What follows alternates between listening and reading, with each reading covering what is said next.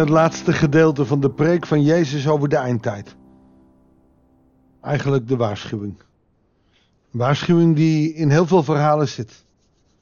Als het gaat over de vijf dwazen en vijf wijzen. Als het gaat over, nou, noem maar op, er zijn heel veel momenten en teksten waarin Jezus het komende wat gezegd wordt ook werkelijk waar benadrukt. En dan, dan is het ook echt belangrijk. Goedendag, hartelijk welkom bij een nieuwe uitzending van het Bijbels Dagboek. We lezen Matthäus 24, vers 45 tot en met 51. Als we de reden van Jezus over de eindtijd hebben gehad, gaan we ook morgen en volgende week weer terug naar openbaringen. Maar het was goed om de Heer zelf even aan het woord te laten, hoewel hij dat in openbaring natuurlijk ook doet. Maar nu rechtstreeks. Vers 45. Wie is de betrouwbare en verstandige dienaar die door zijn heer is aangesteld over het huispersoneel om hun op tijd te eten te geven? Gelukkig de dienaar die daarmee bezig is wanneer zijn heer komt. Ik verzeker jullie, hij zal hem aanstellen over alles wat hij bezit. Wat Jezus hier doet, is een gelijkenis maken. En dat doet hij vaker als hij wil uitleggen. En de uitleg die hij hier geeft is de uitleg van, je weet het wel, zo'n baas, zo'n heer die een knecht heeft. En zo'n heer is wel eens op reis.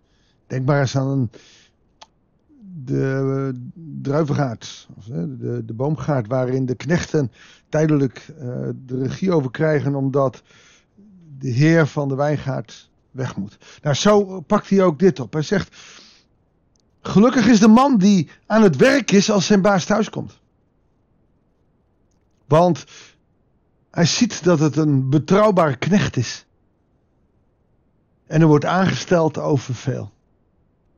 Je krijgt de zegen van God als je ziet dat je bezig bent. Oftewel als Jezus op de wolken terugkomt en je bent lui en je bent niet bezig. Het was beter dat je niet geboren was.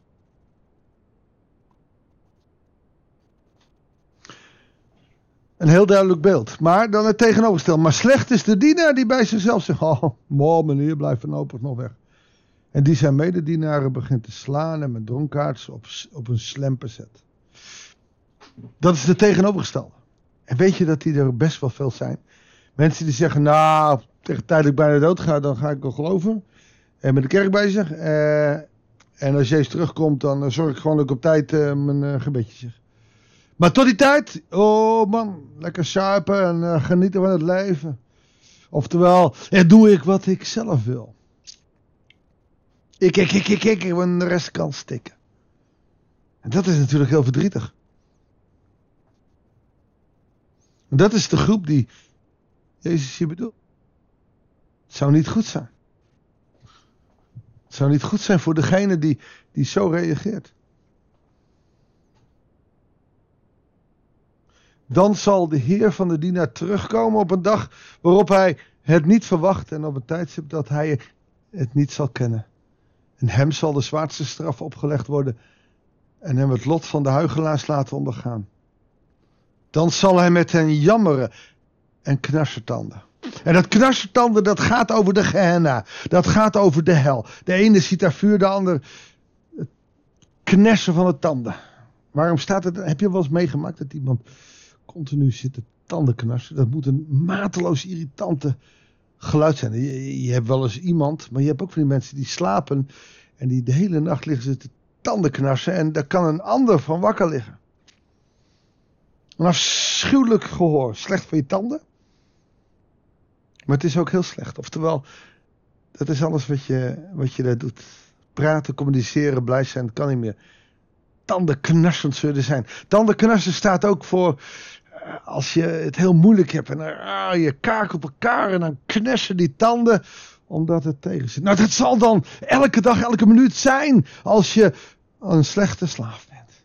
Nou, wat wil je als toekomst? Tuurlijk willen we allemaal een goede toekomst.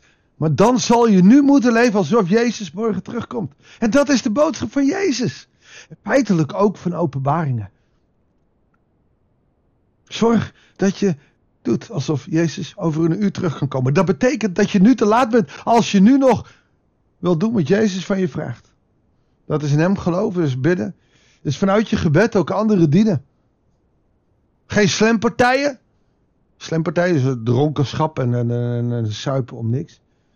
Geen, geen onderdrukking, niet slaan. Goed doen aan een ander.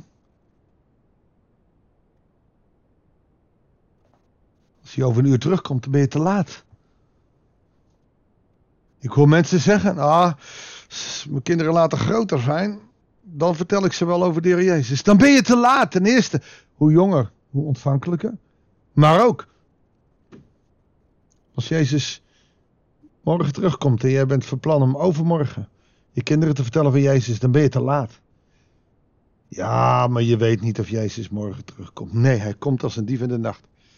En als jij het uitstelt en dan ben je een luie slaaf, oftewel, dan ben je te laat. Dat is precies de boodschap die Jezus wil zeggen. Daarom sluit hij daarmee af. Je kan zeggen wat je wil, je kan doen wat je wil. Wees niet te laat.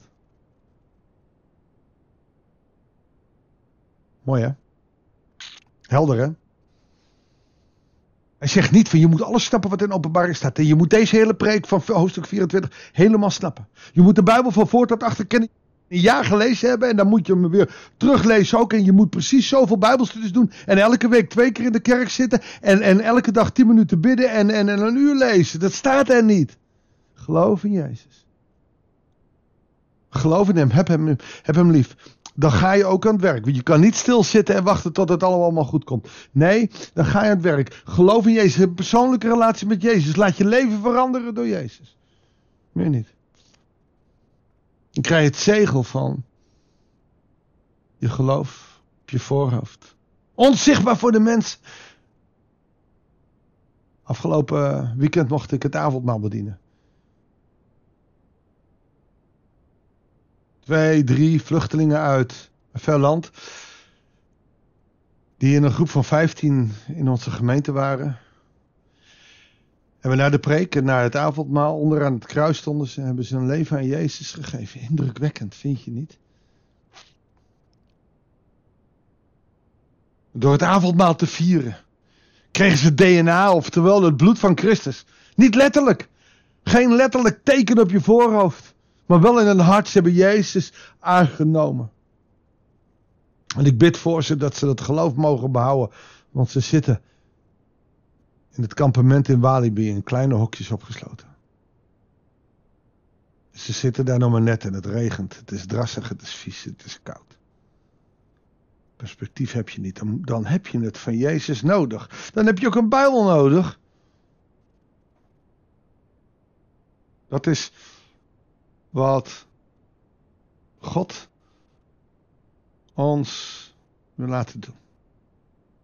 Dankbaar zijn dat drie mensen hun leven aan Jezus hebben gegeven. Dan moet je tijd vernemen. Want die tijd komt wel eens over zijn voordat we het weten, weten, want hij komt als een dief in de nacht. En ik ben dankbaar dat deze drie mannen zich, nou nee, ik weet niet of het mannen waren, deze drie mensen, er waren ook vrouwen bij, zich aan Jezus hebben gegeven. Voor deze drie mensen is het op tijd. Maar er zijn nog zoveel. Mensen die wij wegduwen. Die we niet in een AZC willen. Die wel openstaan voor het evangelie. Ander perspectief vind je niet? Drie mensen hebben een hart aan Jezus gegeven. En elke keer als ik erover praat, heb ik de tranen in mijn ogen. Ik heb er niks aan hoeven doen hoor. Gewoon mijn enthousiaste ik gebruikt om te preken. Avondmaal bediend de warmte en de liefde van de gemeente.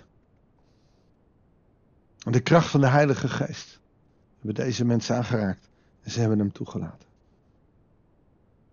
Voor hen is het op tijd. Maar wat nou als Jezus die week daarvoor was teruggekomen? Dan hadden ze hem niet gekend en ze hadden het teken niet gehad. Laten we bidden. Heere God, maak ons tot uw discipelen.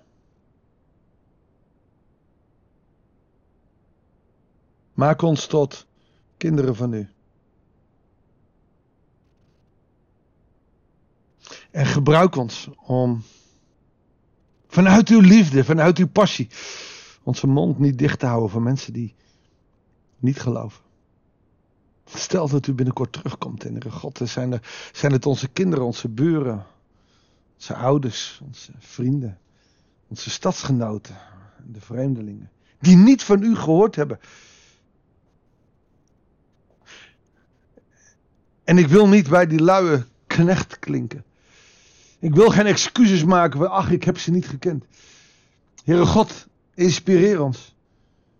En gebruik ons. Om steeds meer mensen in aanraking met uw evangelie te laten zijn. Ik bid het u. In de machtige naam van Jezus. Amen.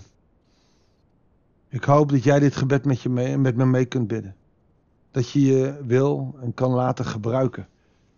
Om zijn discipel, zijn apostel te zijn in, in het koninkrijk hier op aarde. Wat hij straks wil afmaken. Ik wens je God zegen. En heel graag tot de volgende uitzending van het Bijbelsdagboek.